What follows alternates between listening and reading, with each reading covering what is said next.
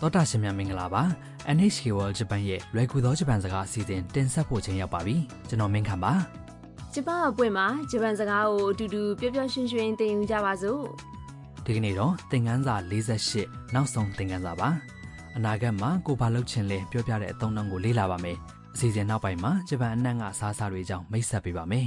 ။ခီယိုတိုမှာအလဲခီးထွက်နေကြတဲ့ဟာရူဆန်ဟောက်စ်မှာနေတဲ့သူတွေနာမည်ကျော်ခီယိုမီဇူဒေရာဖះเจ้าကိုရောက်နေကြပါတယ်။ကျောက်ကဘာကနေထိုးထွက်နေတဲ့ပင်မခမ်းမဆောင်ရဲ့စင်ပေါ်မှာတမ်ကသူ့ရဲ့အနာဂတ်အိမ်ပန်ကြောင်ကိုပြောပြနေပါတယ်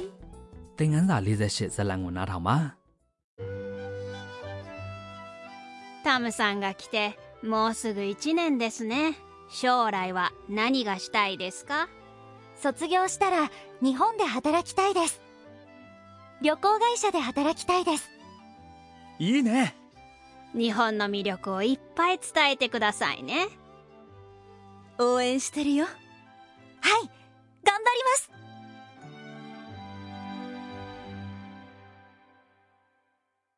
ဝကြတစ်ကြောင်းချင်းကိုကြည့်ပါမယ် ။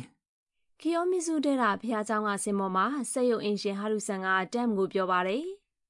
タムさんが来てもうすぐ1年ですね တမ်ဆန်ရောက်ခဲ့တာမကြခင်တစ်နေ့ရှိပြီနော် 将来は何がしたいですか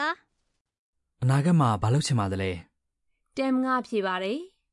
卒業したら日本で働きたいです ကျောင်းပြီးရင်ဂျပန်မှာအလုပ်လုပ်ချင်ပါတယ် 旅行会社で働きたいです ခရီးသွားလုပ်ငန်းကုမ္ပဏီမှာအလုပ်လုပ်ချင်ပါတယ် ။ဂိုက်တိုကဝမ်းသာတဲ့ပုံနဲ့ဝင်ပြောပါတယ် いいね ကောင်းနေနော် ။ဟာရူဆန်ကတမ်ကိုပြောပါတယ် 日本の魅力をいっぱい伝えてくださいね ဂျပန်ရဲ့ဆွဲဆောင်မှုတွေကိုအများကြီးပြောပြပါနော် ။မီးယာကတမ်ကိုပြောပါတယ် 応援してるよ အားပေးနေမယ်နော် ။တမ်ကတက်တက်ကြွကြွပြောပါတယ် はい頑張ります ဟုတ်ကဲ့စူးစမ်းပါမယ် ။ဒါဆိုတမ်ကဂျပန်မှာအလုပ်လုပ်ချင်တာပေါ့နော် ဟုတ်တယ်ခီးသွားလုပ်ငန်းကုမ္ပဏီမှာအလုပ်လုပ်ချင်တဲ့သူ့ရဲ့အိမ်မက်တကယ်ဖြစ်လာပါစေ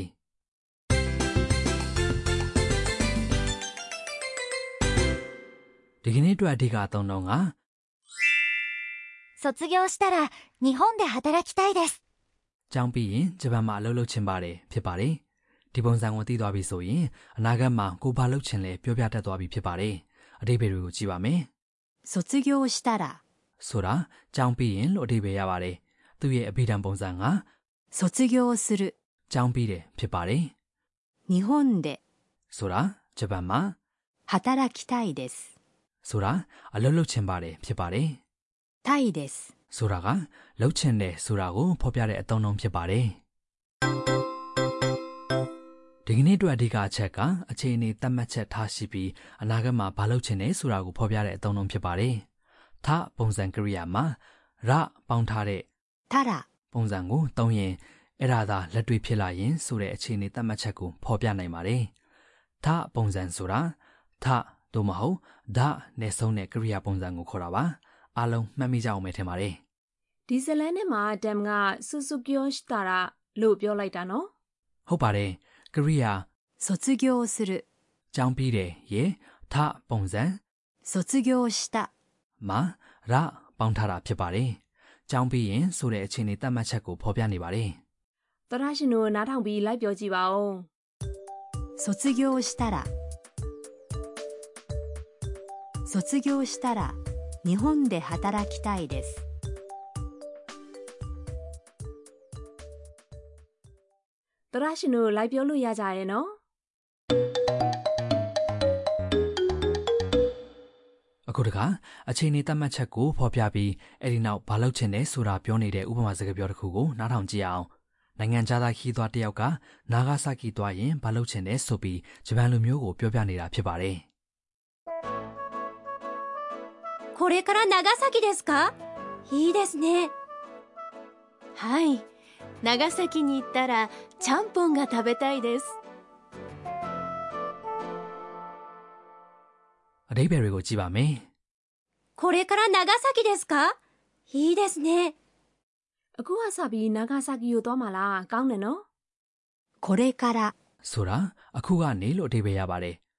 長崎ですか ဆိုတာ 長崎に行きますか ကိုအလွယ်ပြောတာဖြစ်ပါတယ် နာဂါဆာကီကိုသွားမှလားလို့အဓိပ္ပာယ်ရပါတယ် はい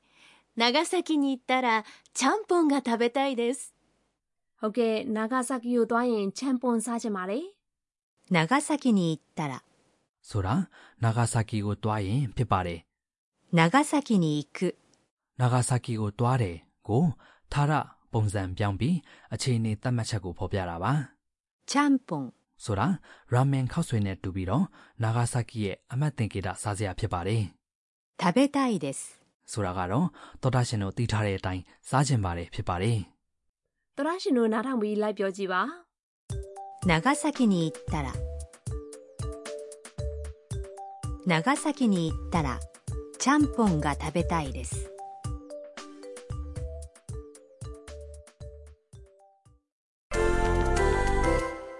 အနာဂတ်မှာကိုဘာလုပ်ချင်တယ်ပြောပြတဲ့တခြားဥပမာတွေလည်းလေ့ကျင့်ကြည့်အောင်ကိုကအခုဂျပန်ကနေအမိနိုင်ငံကိုပြန်တော့မယ်ဆိုပါစို့နွေရာသီအားလည်းရောက်ရင်နောက်တစ်ခါဂျပန်ကိုလာချင်တယ်လို့ပြောကြည့်အောင်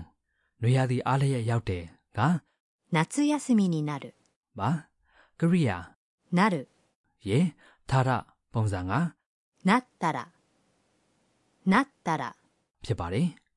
နောက်တစ်ခါဂျပန်ကိုလာချင်ပါတယ်က また日本に来たいですまた日本に来たいです ဖြစ်ပါတယ်စူးစမ်းကြည့်ပါခင်ဗျာ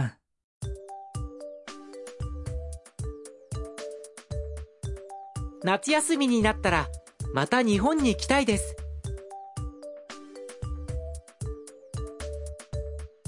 夏休みになったらまた日本に来たいです သရရှင်တို့ပြောလို့ရကြရဲ့နော် ဒီကနေ့အတွက်အဖို့စုစကားကအားလုံးကသူ့ကိုဝိုင်းပြီးအားပေးတဲ့အခါတန်ကပြန်ပြောတဲ့စကားပါအလွတ်မှတ်ထားပြီးတော့ပြန်သုံးကြည့်ပါခင်ဗျာ 頑張ります頑張ります ဆိုတာစူးစမ်းပါမယ်လို့အထိပ္ပယ်ရပြီးအကောင်းဆုံးဖြစ်အောင်လှုပ်ဆောင်မယ်ဆိုတဲ့ခံစားချက်ကိုပြောပြရမှာသုံးပါတယ်သူများကိုအားပေးတဲ့အခါ 頑張ってください ဒါမှမဟုတ် 頑張って လို့ပြောနိုင်ပါတယ် ပြန်နားထောင်ပြီးလိုက်ပြောကြည့်ပါအောင်သောရရှင်တို့ရေ 頑張ります ဒီကနေ့အတွက်ဇာတ်လမ်းကိုနောက်တစ်ခေါက်ပြန်နှာထောင်ကြအောင် タムさんが来てもうすぐ1年ですね将来は何がしたいですか卒業したら日本で働きたいです旅行会社で働きたいですいいね日本の魅力をいっぱい伝えてくださいね応援してるよはい頑張ります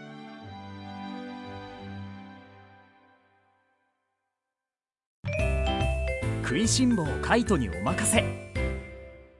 အခုဆက်ပြီးအစားကြီးရဲ့ကြိုက်တို့ရဲ့အစားအစာမိတ်ဆက်ကဏ္ဍဖြစ်ပါတယ်ဒီနေ့ရဲ့ဥပမာစကားပြောမှာနာဂါဆာကီရဲ့နာမည်ကျော်ချမ်ပွန်ဆိုတာပါတယ်နော်ဒါကြောင့်ဂျပန်နိုင်ငံအနှံ့ကစားတောက်ဖွဲ့ရာတွေကိုမိတ်ဆက်ပေးပါမယ်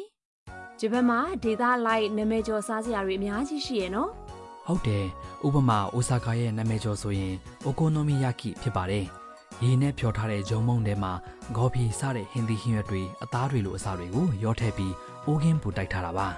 ဟေးရတာရှိမဲ့ပုံမဲနော် ဟုတ်တယ်ဂျပန်အရှေ့မြောက်ပိုင်းကအာခိတခရိုင်ဆိုရင်ခီရီထမ်ပိုနဲ့နာမည်ကျော်ပါတယ်ခက်မမချက်ထားတဲ့ထမင်းကိုချေမွဒုတ်ချောင်းတစ်ချောင်းမှာပြွန်ချောင်းလိုဖြစ်အောင်ကပ်ပြီးกินထားတာပါအထူးသဖြင့်နားဘဲလို့ခေါ်တဲ့ဟော့ပေါ့ဟင်းရမှာထည့်ပြီးစားတာများပါတယ် တခါလောက်တော့စားကြည့်ကြင်လိုက်တာ နောက်ပြီးရှီကိုခုကခါကာဝခရိုင်ရဲ့နာမည်ကျော်စားစာကတော့ဥဒုံးခောက်ဆွဲပါပဲအရေးကြီးကြီးအရသာပြောပြောစုပြုံနဲ့ခက်မမခောက်ဆွဲဘက်တွေကထူးခြားပါတယ်တော်တာရှင်တို့ဂျပန်မှာခီးထွက်တဲ့အခါဒေသလိုက်စားစရာအမျိုးမျိုးကိုစားကြည့်ပါခင်ဗျာ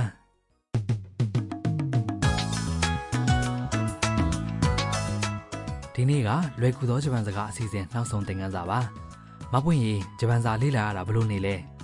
အရန်ကိုပြောစရာကောင်းပါတယ်ဂျပန်ယဉ်ကျေးမှုနဲ့လက်ပတ်စရာနေရာတွေအကြောင်းလည်းသိရပါတယ် ။လွယ်ကူသောဂျပန်စကားအစီအစဉ်ကိုနားဆင်အားပေးခဲ့ကြတဲ့သောတာရှင်တို့ကိုကျေးဇူးတင်ပါတယ်။သောတာရှင်တို့ဂျပန်စာကိုဆက်ပြီးလေ့လာကြမယ်လို့မျှော်လင့်ပါတယ်။အားပေးနေပါမယ်။頑張ってください ဂျပန်ကိုလည်းလာရောက်လဲပဲကြပါလို့ ။သောတာရှင်များအားလုံးさようなら